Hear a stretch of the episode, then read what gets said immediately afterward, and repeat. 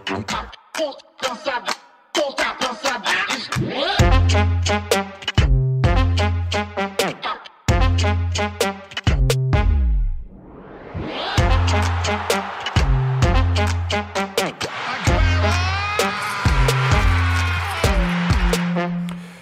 Velkommen tilbage til anden halvleg af Fodbold FM. Jeg står her i studiet med branding- og kommunikationsdirektør i Arbejdernes Landsbank, Peter Frohlum, og ved siden af ham står Kasper De Linde, der blandt andet er med ind over podcasten Nordsjælland Dreaming og Djævlernes Advokater.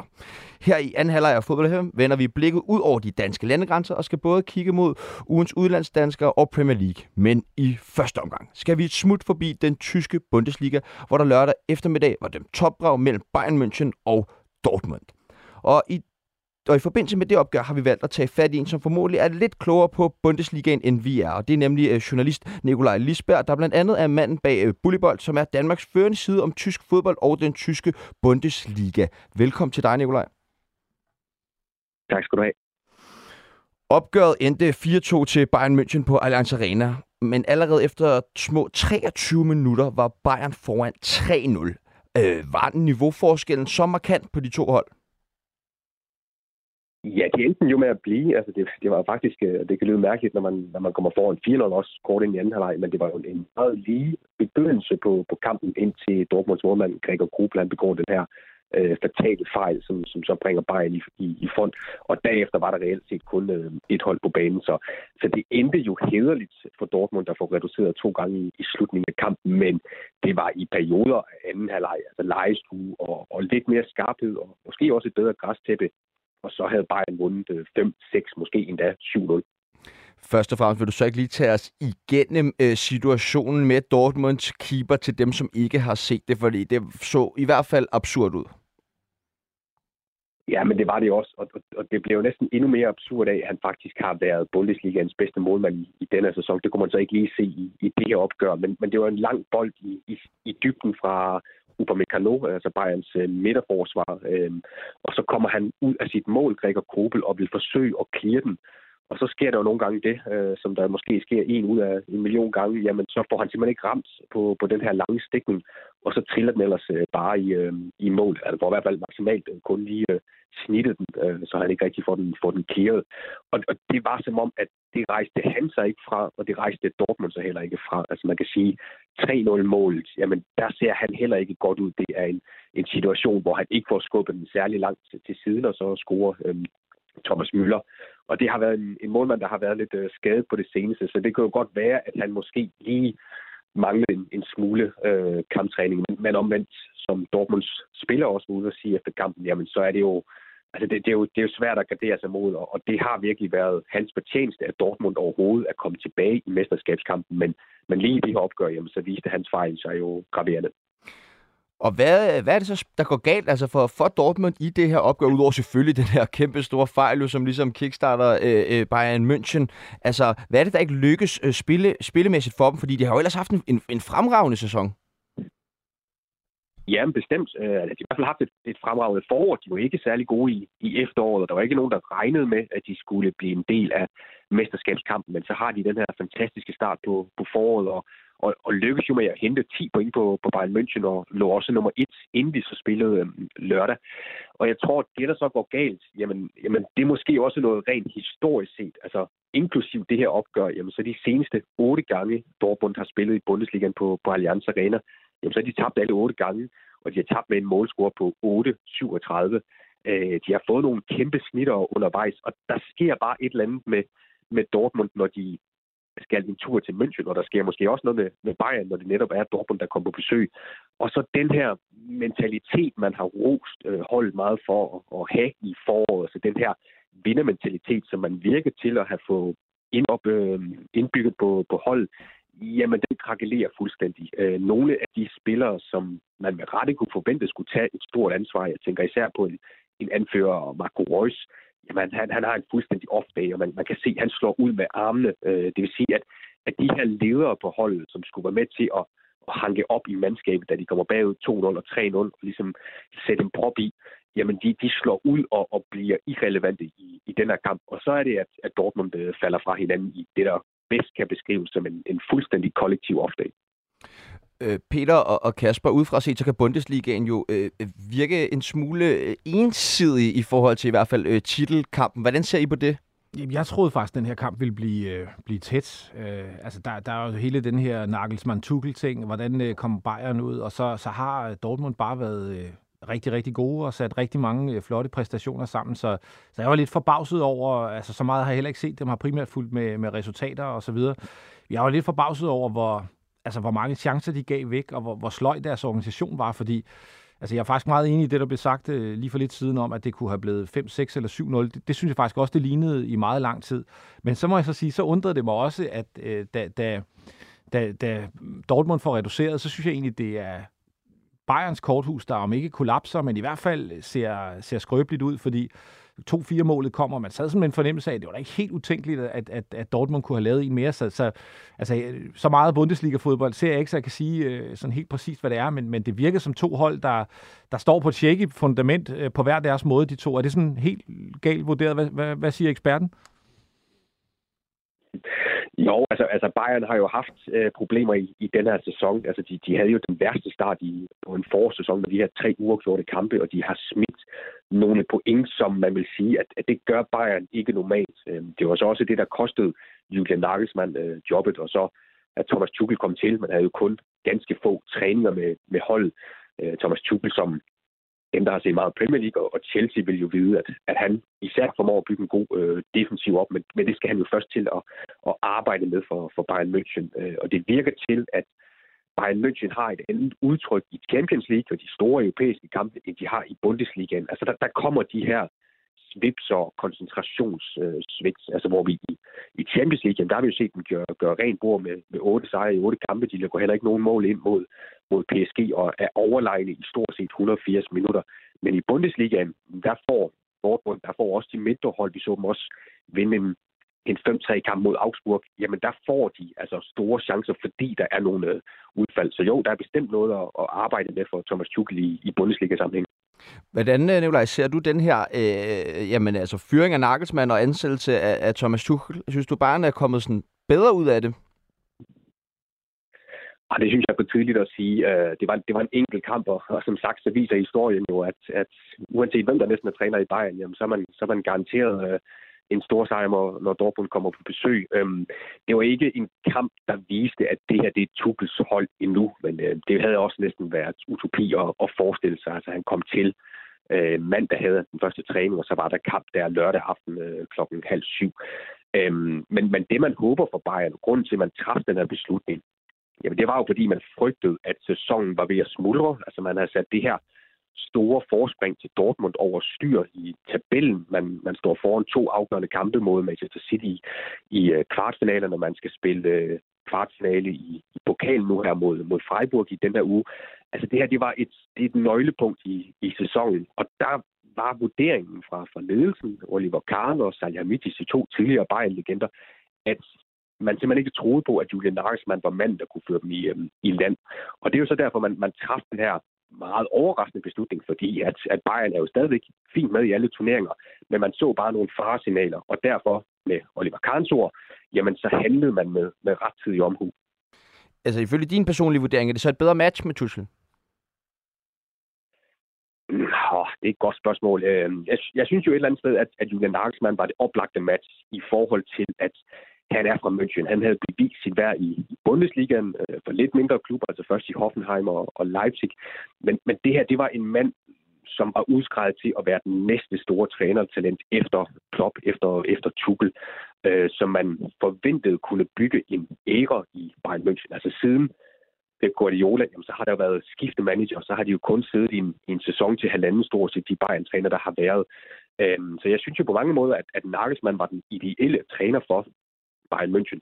Jeg kan også sagtens se Thomas Tuchel være en ideel træner, øh, men vi ved jo også bare, at hans historik, jamen, den siger også, øh, den siger succes, men den siger også korte perioder i klubber, fordi han er en svær type at arbejde sammen med.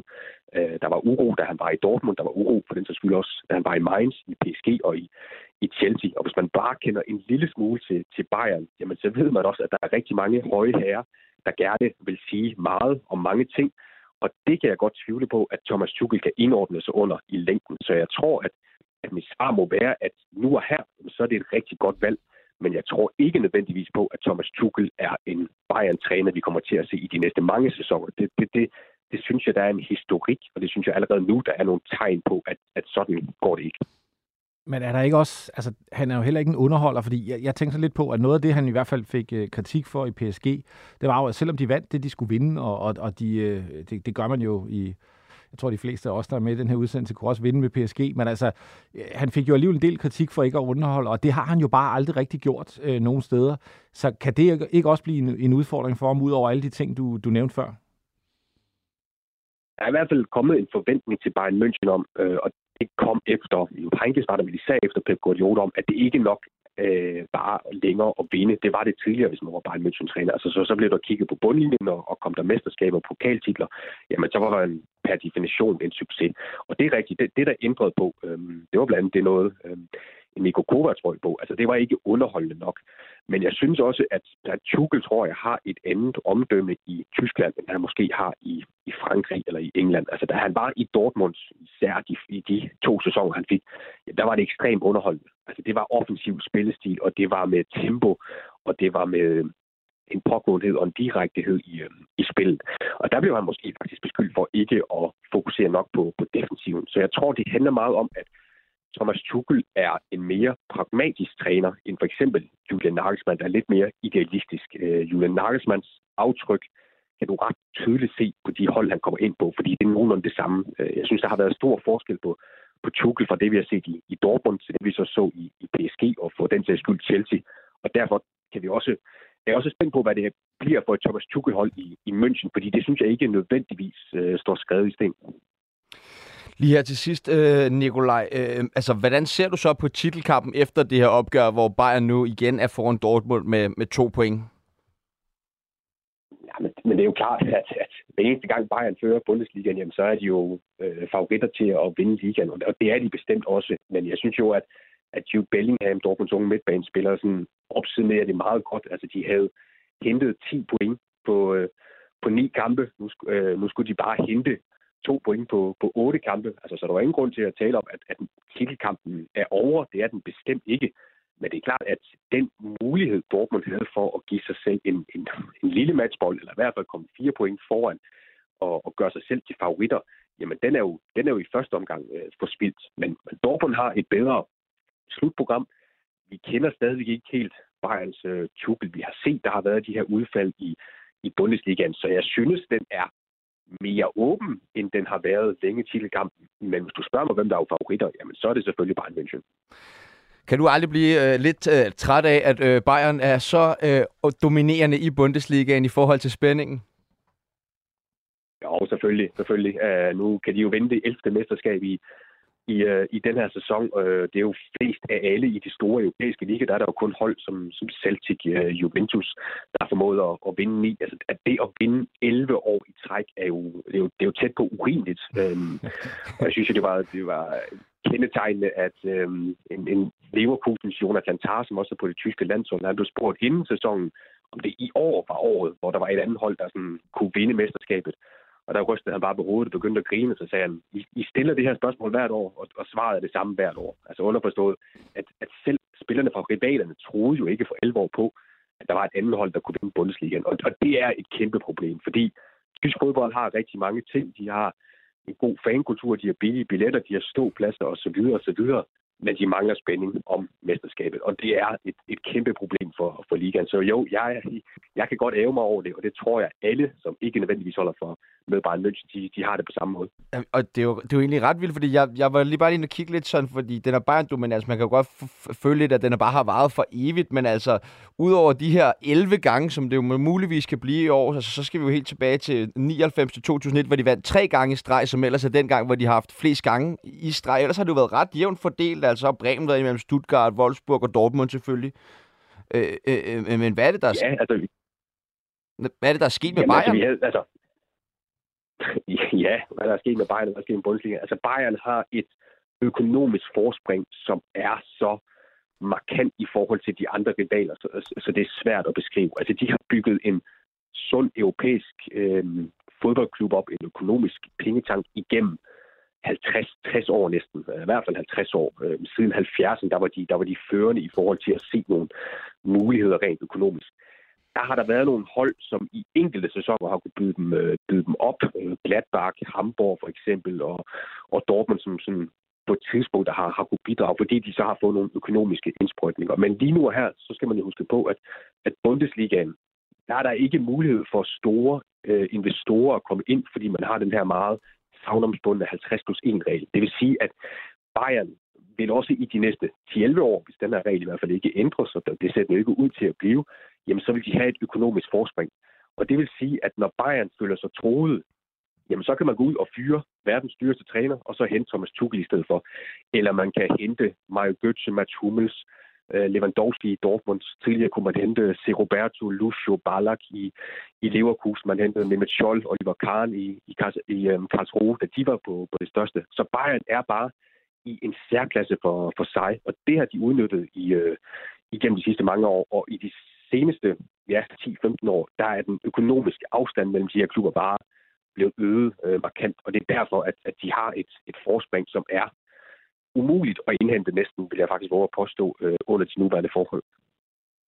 Nikolaj Lisberg fra Bullybold, tusind, tusind, tusind tak, fordi du har lyst til at være med og gøre os øh, lidt klogere på, på Bundesliga, og ikke mindst Bayern München og, og Dortmund.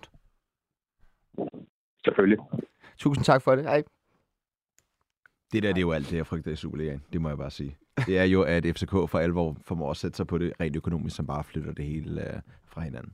Men det er jo, altså det der er jo interessant, synes jeg, det er den der 50 plus 1 regel jo pludselig er en begrænsning mod øh, konkurrence, fordi altså det man jo kan sige i Superligaen, det er, at, at det står jo enhver klub øh, frit for, det lyder som om man kan vælge, men altså det, det kan man jo i hvert fald i teorien, at få en investor ind. Øh, og, og, og selvom jeg godt ved, det bliver der kæmpet mod mange steder, og det har man mange holdninger til, så er det jo i hvert fald øh, en hver chance for at undgå den der dominans, fordi det er jo rigtigt, altså det er jo, det er jo, det er jo helt vildt. Øh, I øvrigt, nu, nu, nu så jeg kampen, det er bare, det, altså det er bare altid fed fodbold, så det er ærgerligt, de ikke har, det har de jo så lidt i år, det der spændingsmoment, men der er, der er altså knald på, og, og, og selv ved, ved 0-4, så bliver de ved Dortmund, der kommer tilbage og sådan Altså det, det, det er synd, Bundesligaen ikke lige har det sidste, fordi den, den er egentlig, altså sådan synes jeg, når man, når man endelig får set noget af det, altså det, det, det, det er høj kvalitet, det, det er ganske god fodbold, og, og absolut øh, i mange øh, kampe nok også bedre, end, end, øh, end, end hvis man kommer væk fra, fra de allerbedste hold i England. Så, så Premier League får noget, som Bundesligaen også kunne have, hvis den havde lidt mere øh, spænding. Det mål, som der blev scoret til 4-0, hvor at uh, Leroy Sané spiller den ind for højre, og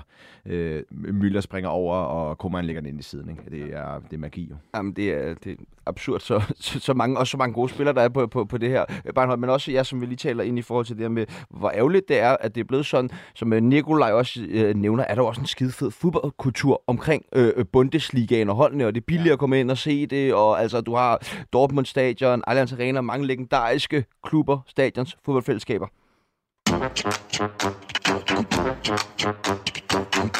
Vi retter blikket over mod den engelske Premier League, hvor der igen har været trænerfyringer på menuen. Men i første omgang kaster vi os over det underholdende opgør mellem Guardiolas Manchester City og Jurgen Klopps Liverpool, som endte med en 4-1 sejr til de lyseblå fra Manchester. Havde I forventet, at Liverpool ville øh, gøre mere modstand i, i den her duel, end de endte med at gøre?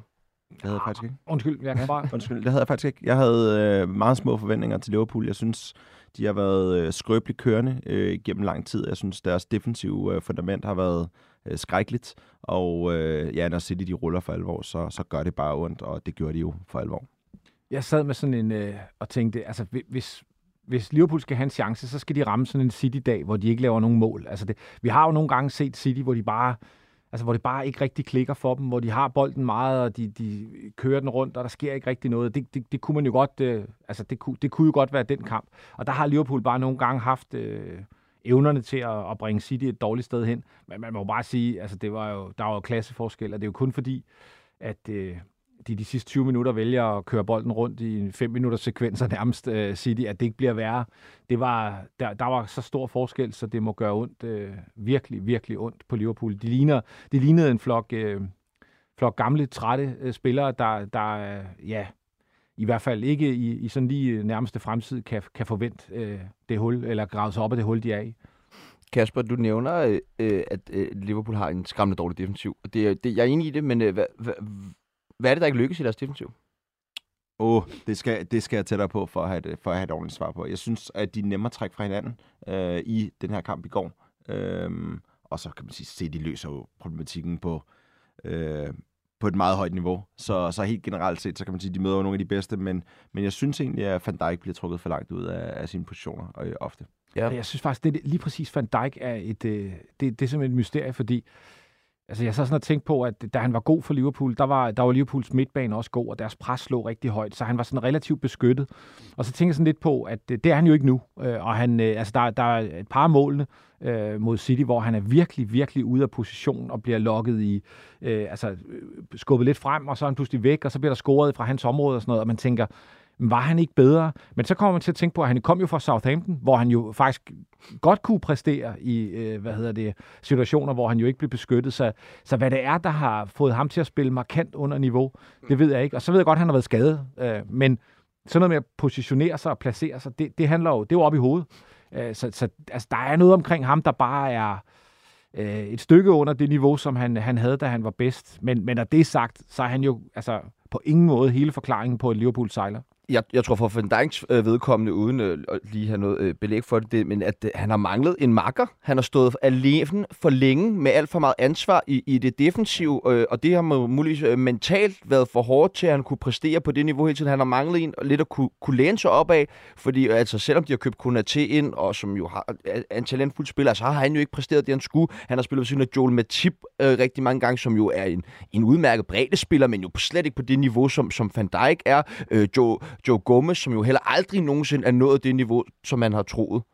Øh, men øh, jeg, jeg fiskede måske også lidt efter, altså en spiller som Trent Alexander-Arnold, øh, som jo har fået masser af kritik i løbet af, af den her sæson. Man synes også, at altså, han var jo elendig igen i går øh, øh, defensivt mod, øh, mod City.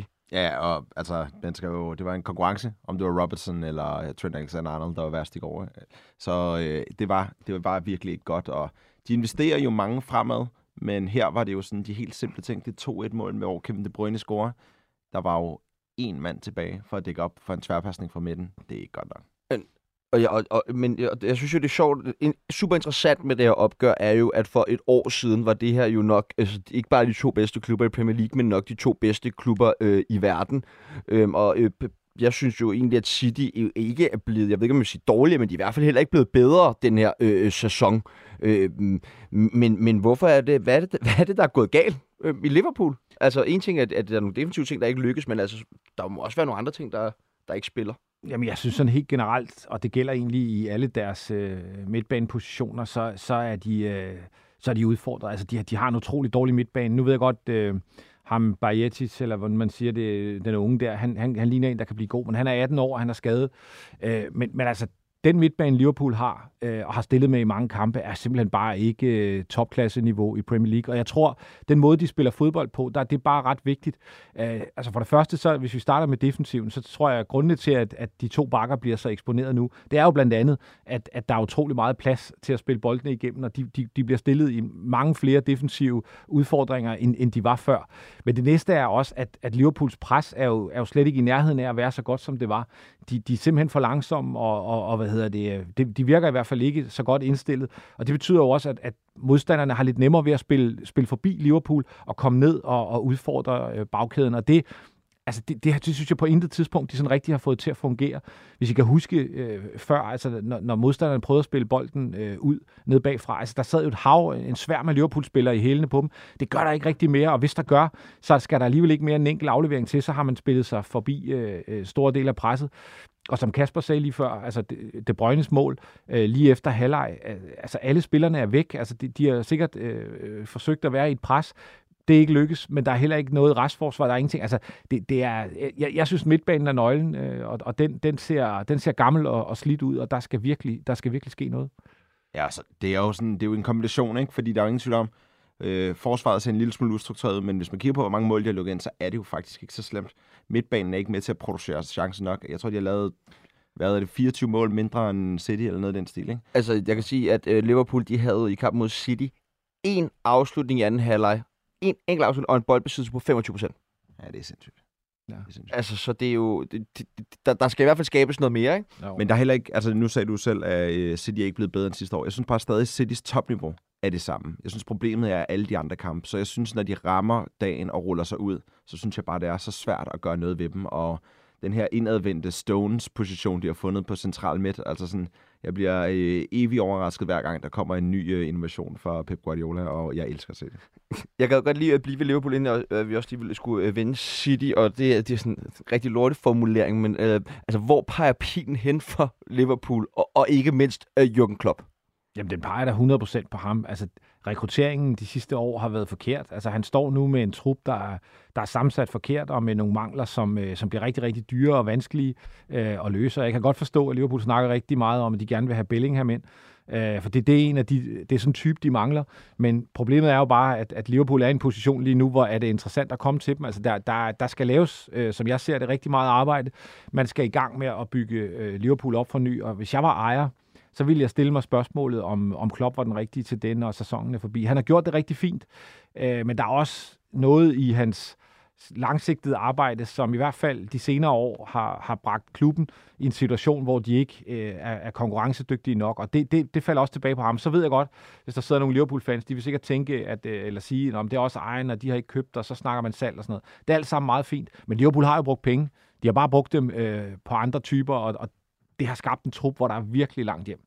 Kasper, hvad tænker du? Skal man fyre Jürgen Klopp? Nej, skal man ikke. Men jeg er generelt ikke til, at man skal fyre folk. Nej. Så øh, jeg synes helt generelt set, at man skal fortsætte det arbejde, øh, der er, og øh, så skal man give noget mere tid. Men altså, kan du ikke forstå, at der er måske nogle af de her managers, der kører døde, og også nogle af spillerne, der kører døde i, i managers koncept? Især sådan en, jo, en klub jo så meget spiller om, har, kræver rigtig, rigtig meget af, af sine spillere, især fysisk med det her høje pres og intense pres.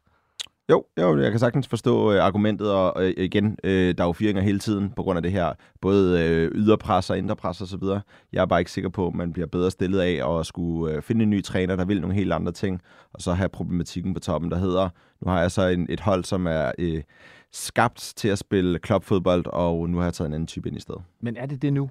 Fordi jeg, jeg er fuldstændig enig, men er, er, vi, er vi et sted nu, hvor at det er et klubhold, eller er det et hold, der alligevel skal til at finde en ny måde at spille på, og hvis, jeg, jeg tror det sidste. Altså, jeg, jeg synes, de, de, den trup, de har nu, kommer ikke til at spille øh, klopfodbold, som klopfodbold var. Det tror jeg ikke på. Så så er det jo det, man skal så sige, er det ham?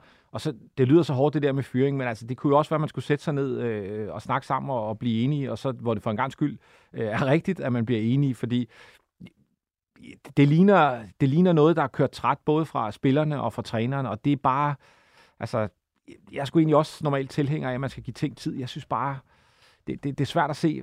Jeg, jeg har svært ved at forestille mig, at det her bliver godt på kort sigt, i hvert fald. Nogle, øh, som det går øh, relativt bedre for, det er jo selvfølgelig deres modstander Manchester øh, City. Jeg lagde mærke til, til noget, da jeg sad og så den her kamp, og det var, at jeg synes, at de spillede væsentligt flottere, bedre, større bevægelse for hinanden. Meget mere det gamle City-hold, øh, fordi at ja, der var en vis øh, herr Holland, som jo ikke var med til, til det her opgør. Øh, jeg har også fundet nogle tal, som måske bakker det op. I hvert fald øh, City i sidste sæson, så øh, scorede de øh, i gennemsnit 2,6 mål per kamp og indkasserede øh, 0,68 mål per kamp. Omvendt i den her sæson, så har de scoret kun i situationstegn 2,5 mål øh, og indkasseret øh, øh 0,9 mål. Så altså på tallene viser jo egentlig også, at City klarede det en smule bedre i sæson. Hvad tænker I om den betragtning? Jamen, der er ingen tvivl om, at, at Holland fylder meget. Det synes jeg godt, man kan se. Øh, og, og det, det, altså, der er jo også den her med, at de har jo heller ikke lavet flere mål, så, så, så mål, Hollands mål har jo ikke været mål på toppen. Det har været, øh, hvad skal vi sige, mål, han har taget for andre, mm. hvis man kan tale det om det. Så der er ingen tvivl om, at, at, at Holland fylder noget, øh, og, og at det måske ikke er 100% indarbejdet. Men jeg synes, øh, for det første, så er han jo relativt ny i klubben stadig. Så der er nok også nogle ting, man kan forbedre, både om måden, øh, han spiller på selv, men også hvordan man, man, man sådan får, får flere ting i spil. Det er det ene, og det andet er, at, at altså, City har jo utrolig mange gode spillere, så når han ikke er væk, øh, og han ikke får de afleveringer, så er der nogle andre, der får dem. Så, så, så altså, jeg er enig. Jeg synes faktisk også, de spillede mere flydende, men jeg, jeg synes, Holland skal... Altså, jeg synes ikke, man skal tørre den af på Holland. Han er stadig et, øh, om ikke fremmedlæge, så i hvert fald ny i City. Og det, det, det tager bare tid øh, at ændre spilstil. Men det de ligner bare, når de bruger øh, for eksempel øh, Julian Alvarez, som var valgt her frem til, han ligner bare meget mere en, en City-spiller, hvis man kan sige det sådan. Han passer bare bedre ind i de her kombinationer og løb. Øh, så, så, så gik jeg lidt i den øh, nørdede ende og gik, gik ud og så kiggede på alle øh, Hollands mål for, da han spillede i Dortmund. Og der lagde jeg mærke til, at han faktisk meget ofte kom i, i løb mm. øh, ude fra feltet og ind i, øh, ind i boksen, frem for de mål, han scorede for City, hvor han allerede står placeret inde i boksen, når bolden kommer øh, ind til ham. Og, og, og det, det, det var egentlig det, jeg lagde mærke til, at Julian Alvarez var rigtig god til øh, for City, og var at komme løbende ind i boksen modsat Holland. Øh, hvordan kan det være, at, at man ligesom har taget det ud af hans spil, eller hvorfor tror jeg, man har... For det, det rum er optaget af nogle andre. Altså, ja, hans rolle er anderledes i City, end den har været øh, andre steder. Og så, så tror jeg, at man spiller en lille smule anderledes, når Alvarez øh, hvad hedder det, øh, er med. Og jeg, jeg, er faktisk, jeg er faktisk fuldstændig enig i det, du siger. Jeg tror bare stadig, man skal arbejde med at få, få lagt nogle ting på det, at man har en Holland. Øh, men jeg er enig, altså det, det, det virkede øh, som en super velsmurt maskine, og havde der siddet nogen og tænkt, kan vi klare os uden Holland, så er, er det korte svar ja. Det, det kan man altså godt. Det var drømmefodbold. Ja, og så, ja, så en spiller, jeg også gerne vil have lov til at fremhæve. Nu har jeg snakket meget om det her, men der, jeg blev meget øh, positivt overrasket over det her. Øh, øh Jack Grealish hold det op, hvor han lige pludselig blomstrede op øh, på det her øh, City-hold, og den spiller både med, med assist, men også det her tilbageløb. Han jo øh, laver en ret vigtig øh, blokade for, for Manchester City på, på Mo Salah ved stillingen 1-0 til, til Liverpool. Ja, kæmpe, kæmpe spiller, og han er bare vokset, og jeg synes, altså, det tog om noget tid at komme i gang for City, men øh, han viste jo også øh, fuld damp for Aston Villa, så jeg er bare glad for at se faktisk, at, at det lykkedes for ham. Ja. Øhm, det må jeg sige. Men han er jo også et eksempel på, altså hvis vi skal hvis vi skal lave en, en Holland på ham, så var han jo også et voldsomt dyrt indkøb, som i starten bare ikke virkede. Af for mange berøringer, for, for ville det lidt for meget og sådan men er jo blevet bedre og bedre, og jeg, jeg, tror, jeg tror, Guardiola er en fuldstændig outstanding træner, men jeg tror også, at hans krav er høje, så jeg tror, det tager tid, inden man, man sådan helt rammer den, og der, der, øh, der er, hvad hedder det, Grealish nået til. Og der, der er der måske lidt at arbejde med med Holland øh, endnu. Den gode nyhed med Holland er så, at han laver mål imens. Men der er faktisk der er noget, du, det du siger også, altså det, det er jo faktisk ret ofte, at der er mange spillere, der kommer til City, som tager rigtig lang tid om at, at, at, at tilvænne sig. Nogle gange tager det faktisk en hel sæson. Altså en spiller som Nathan Arke kom til at have rigtig svært ved det hele ja. sidste sæson, og spiller jo fremragende øh, øh, nu for, for Manchester City. Altså, så det er jo ikke helt unormalt, eller hvad man skal sige, for, for øh, øh Guardiolas øh, spiller, at de ligesom skal bruge tilvændingstid. Det er, det er også, altså, når man ser Holland, så er det lidt sådan 10 plus 1 formation, ikke? øh, der er alle de andre, og så er der Holland, som skal øh, operere ind i boksen, og jeg synes heller ikke rigtigt, han deltager i det pres der. Øh, men omvendt, så har han jo så de der absolute spidskompetencer, som, som er svære at tage fra dem. Øh, men, øh, men jeg kan også bedre lide det udtryk, der er, når det er 11 mand, der arbejder sammen. Hvordan ser I øh, på øh, Citys chancer i den her mesterskabsduel mod øh, Arsenal, som jo ligner et hold, der også bare trumler derudad? Altså med far for at få øh, Arsenal-fans på, øh, på nakken, så, så, så jeg, jeg tror, Arsenal vinder, og det er ikke derfor dem på nakken af, men det er, altså de, de, de ligner et hold, der har marginalerne. Altså det, det er verdens tyndeste straffespark, de får her. De har sikkert vundet alligevel. Øh, fuldt fortjent vandt de, og sådan, men de har nogle marginaler nu, og jeg ved godt, de pev meget i starten over dommeren, men de har haft en periode nu, hvor de har øh, marginalerne kørende, og de spiller rigtig godt samtidig. De har scoret nogle mål øh, i sidste øjeblik, øh, hvad hedder det, blandt andet mod Bournemouth osv. Så, videre. så det ligner en sæson, hvor Arsenal, øh, hvor Arsenal tager den. De også, det vi jo også være fortjent. De har været voldsomt gode. Øh, de spiller super godt, og Arteta er en, en, en super dygtig træner. Så jeg tror, jeg tror simpelthen ikke, de sætter point nok til, at, at City kan, kan indhente dem. Det er bare ret interessant. De mangler altså øh, Liverpool, de mangler City, de mangler Arsenal, de mangler Newcastle, de mangler Brighton. Det er sat med mange af de gode til sidst. Ikke? Arsenal mangler Arsenal? Ah, undskyld, Arsenal mangler øh, Liverpool. Så den. Ja, jamen, altså, det er et hårdt program, som Arsenal de, øh, har tilbage, men som sagt, altså, det er lige nogle marginaler med Og så også bare det med, altså, så kommer øh, Jesus tilbage fra, fra skaden, om så scorer han to mål, starter uden Saka i går, øh, henter Trossard i Brighton, som jo gjorde det rigtig godt i Brighton, men så har man bare lagt endnu mere på, efter han er kommet til Arsenal. Øh, det bliver i hvert fald rigtig, rigtig spændende at følge med i, og selvfølgelig også noget, vi følger tæt her øh, i programmet. Og apropos øh, Kasper, din tid, så, så, øh, så lignede... Øh Arteta jo ikke en mestertræner i lang tid, så jeg synes også, det er virkelig godt gået. Altså det, han har fået lov at bygge på. Man har troet på de idéer, han har. Spillerne har troet på det, og det, det ser ud til at kulminere nu. Det er jo også en super fed historie. Ja, Helt klart. Men, men, men, men okay, lige også for lige rundt af, overpræsterer Arsenal den her sæson? Fordi altså, eller vil vi se det her Arsenal-hold fortsætte ind i næste sæson og være klar favorit til at vinde det, det engelske mesterskab? Jeg tror, de vil fortsætte ind i næste sæson, men, men altså City er øh, født favoritter, synes jeg, i, i alle sæsoner. Jeg tror, United øh, kommer også til at tale med om det næste år. Altså, jeg, jeg tror, øh, den der, de der 3-4 hold, Øh, der, er, der, der, der er Arsenal med, men, men jeg tror ikke, de kommer til at være klar favorit, men jeg er ikke i tvivl om, at de er med, øh, hvor det bliver interessant.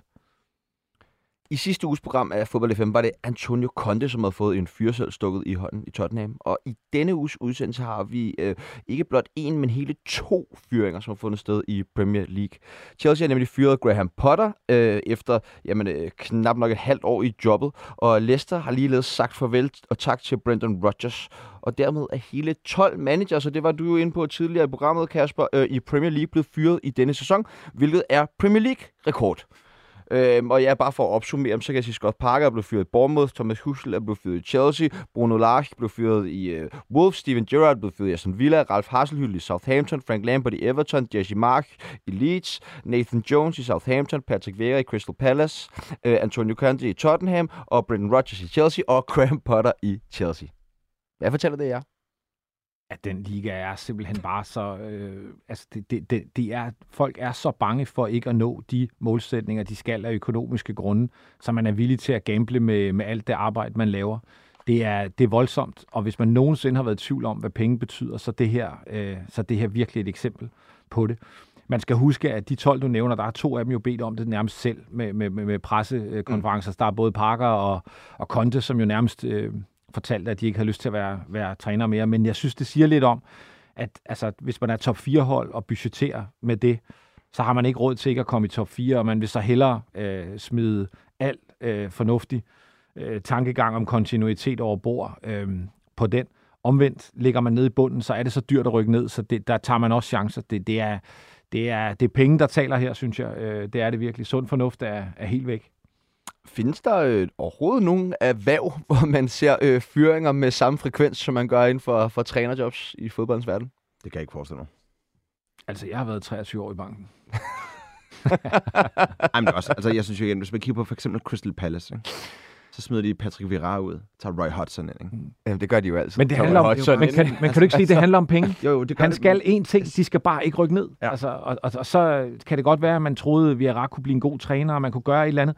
Det tror man ikke på lige nu. Hudson skal holde dem over, og så kan man prøve med, så prøver man et nyt projekt. Ikke? Det er så vildt, det der.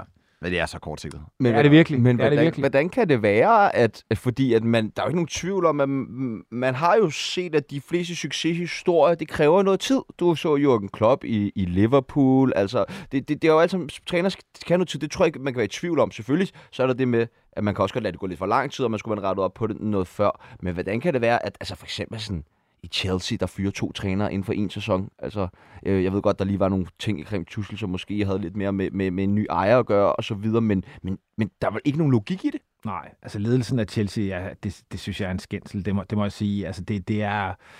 Tuchel var dead man walking fra start. Ikke? Ham, ham var de ikke interesseret i. Mm. Det, det, var, det var ret tydeligt. I øvrigt virkede det gensidigt. Så, så den, den var måske... Øh, den var måske, måske klar, eller hvad man skal sige. Men, men Potter har jo ikke...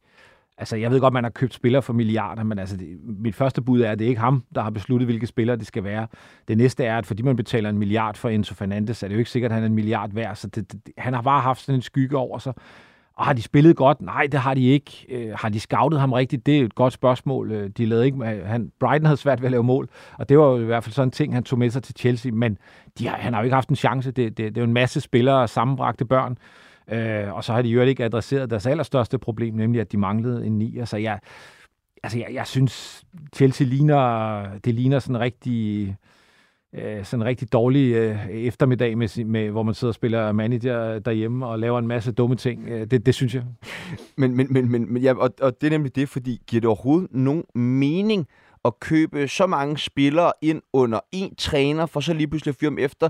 Man, man aner vel ikke, om den næste træner, man vil have, kan bruge nogen som helst af de spillere, som man lige har investeret. Jeg ved ikke, hvor mange milliarder i, eller om man skal ud og, og sælge dem alle sammen og generhverve en masse nye til sommer, fordi man har fået Nagelsmann, eller hvem ved jeg, som træner i, i Chelsea. Jamen, det, og, og det er jo spot on, det der, ikke? Og det er jo derfor, at det er så nemt at sidde og sige, og det er også nemt at sidde og sige, at man bare skal have en rolig, øh, rolig hånd på rettet, men, øh, men det er jo det, der er brug for, altså. Hvor stiller øh, øh, det Chelsea, altså efter den her fyring, og med alle de her mange, mange nye dyre ind, indkøb? Jeg, jeg læste også lige her en dag efter, at de havde fyret øh, øh, Potter. Så har de signet en ny spiller, en 15-årig øh, gut, som godt nok først kan spille, blive spilberettet for dem, når han er 18. Men altså, det, det fortsætter jo bare med ja. at signe de her spillere fuldstændig uhemmet. Det, der er i hvert fald ikke nogen tvivl om, at, at det man skal nu, det man skal finde en træner, som ligesom accepterer de her ting. Øh, og og det, det tror jeg kan være det tror jeg kan være en udfordring, fordi det, det, bliver, det, bliver, en svær, det bliver et svært job for alle, det, det der. Øh, og, og jeg tror, at til sommer, så kommer vi til at se endnu mere af det her. Øh, jeg, jeg tror, de kommer til at sælge en hel masse, fordi det er de simpelthen nødt til. Men må ikke også, de får købt nogle spillere? Og for bare lige at vende tilbage til noget af det, du sagde, altså nogle af problemerne, de jo har nu med, med de her spillere, hvis de får en manager, der ønsker nogen andre, det er jo, at, at de har voldsomt lange kontrakter og købt ind til helt abnorme beløb. Og det gør jo bare, at, at altså økonomisk er det bare ikke så nemt at komme af med dem, også i forhold til, hvad de koster op mod financial fair play at have og sælge og alt det her. Så, så det er en klub, der, der er spændt for øh, i et stykke tid.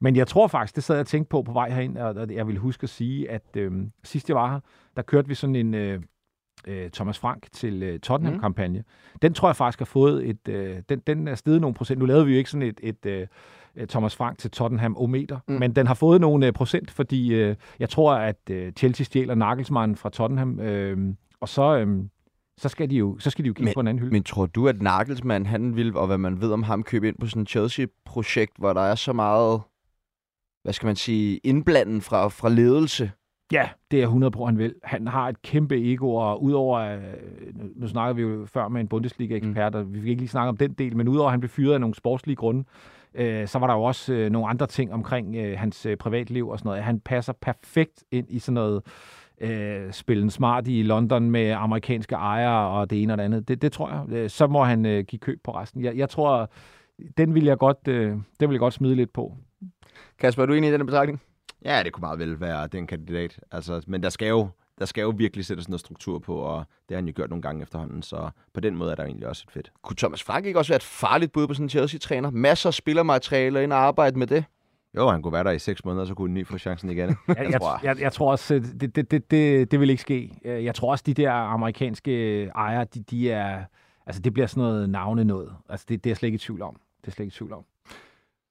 Brendan Rodgers øh, blev også fyret i, i, i Leicester. Han tog over i februar øh, 2019 og har jo egentlig fået nogle øh, udmærkede placeringer for, med det her Leicester-mandskab. Øh, 9. plads i hans første sæson, ellers så blev det til to 5. plads og en 8. plads. Nu ligger de så helt nede på, på 19. plads, men sæsonen er stadig i gang.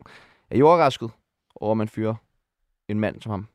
Mm, ja, altså, jeg, det er jo Nej, det er jeg faktisk ikke. Altså, jeg, jeg, jeg tror, hvis man kigger på det udefra, så, så, så har han jo faktisk leveret ret godt med et begrænset spillermateriale, og de havde jo ikke råd til at erstatte de spillere, de, de solgte øh, her øh, op til den her sæson, og heller ikke i vinterpausen. Så man kan sige, altså han, han, han har måske ikke verdens bedste spillermateriale, og de spiller egentlig øh, meget god fodbold, synes jeg, i betragtning af, hvor de ligger.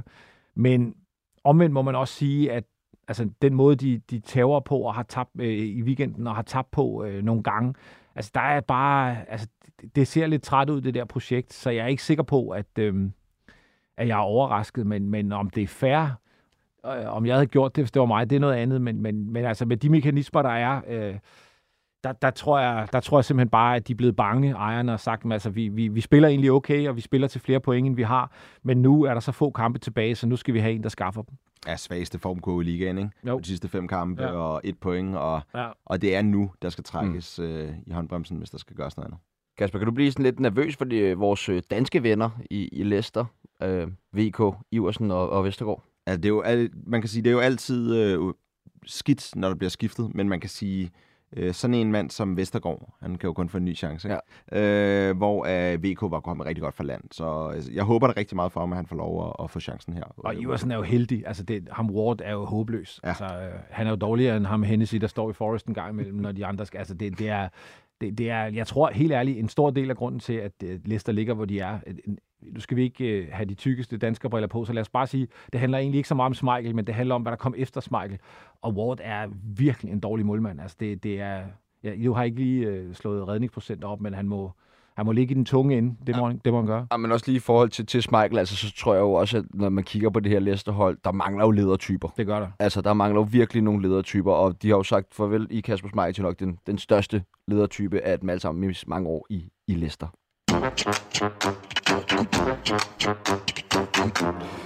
Vi skal til øh, vores øh, jamen, nye element, er det vel øh, stadig lidt ugens øh, udenlandsdansker.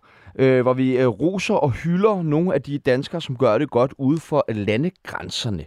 Kasper, øh, hvilken dansker vil du gerne hylde for det store udland i denne uge? Jeg har taget Martin uh, Braithwaite med, Ja. som har lavet uh, 9 mål i 22 kamp, og uh, bare ruller derudad. Og øh, vi har sådan en tendens til altid kun at kigge på det unge guld, og jeg synes egentlig, det er meget godt lige at stoppe op og sige, øh, de her spillere, som, som når øh, en, en flot alder, de, de leverer stadig, og øh, vi skal huske at hylde dem, mens vi har dem. Det gik lidt for hurtigt nedad med Rommedal og Jondal og alle de andre, så, så øh, en mand, der har fået rigtig meget ud af begrænset potentiale. Ja, jamen altså, det er, det er jo ikke nogen hemmelighed. For det faste lytter af Fodbold FM, at jeg er jo ikke den allerstørste fan af øh, Martin øh, Braithwaite, men, men, men øh, det ville være fedt, hvis han kunne tage noget af det med ind på landsholdet øh, øh, snart, tænker jeg. Ja, altså man kan sige, han er jo ved at være der, hvor at det måske også er et overstået kapitel, ikke? men jeg synes bare stadig, at vi skal huske det her med, det er bare en flot karriere, han har banket sammen, og øh, han lignede ikke, at det ville gå så godt, og alligevel så har han øh, mange kampe for landsholdet, han har spillet i Barcelona, han har lavet masser af mål i La Liga, jeg synes, det er ret fascinerende.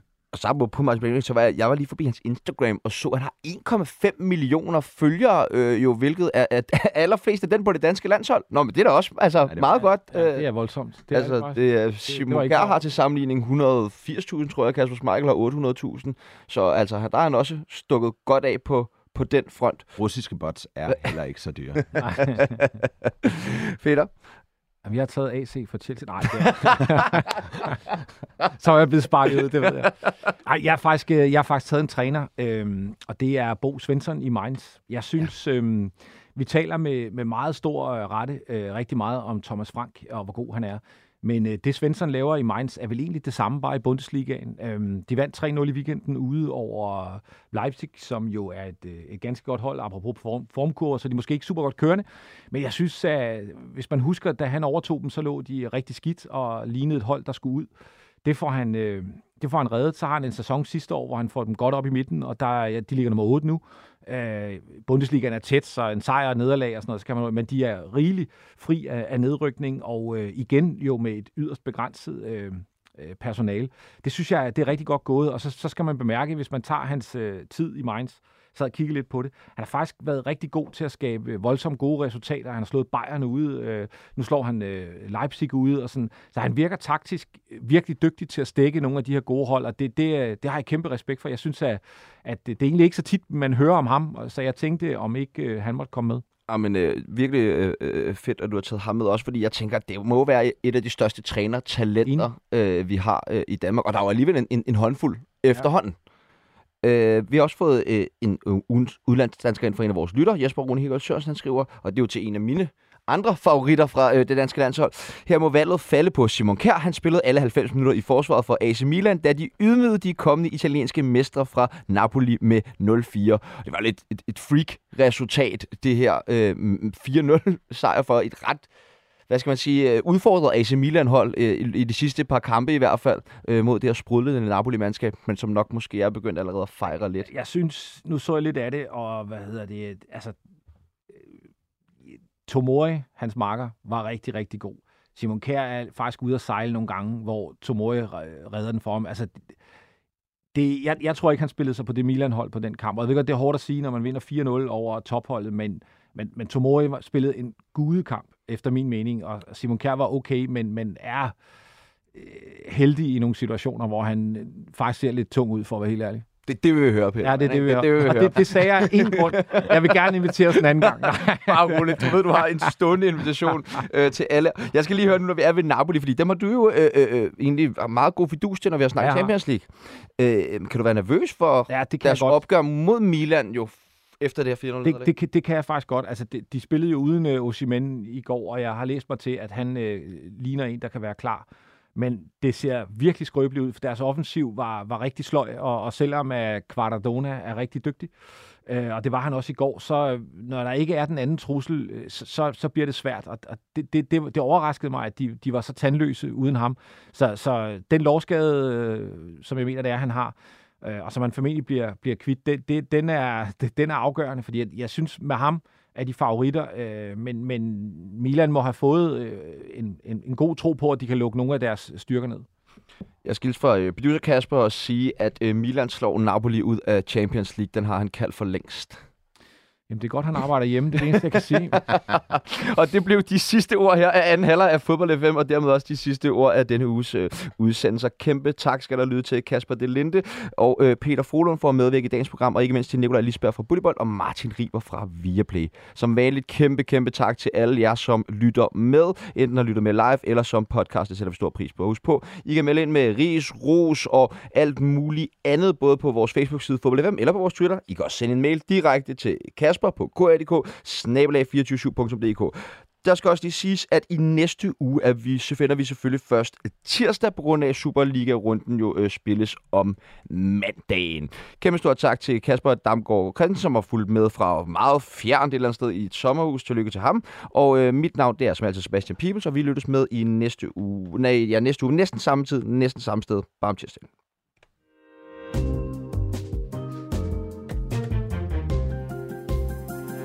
Pull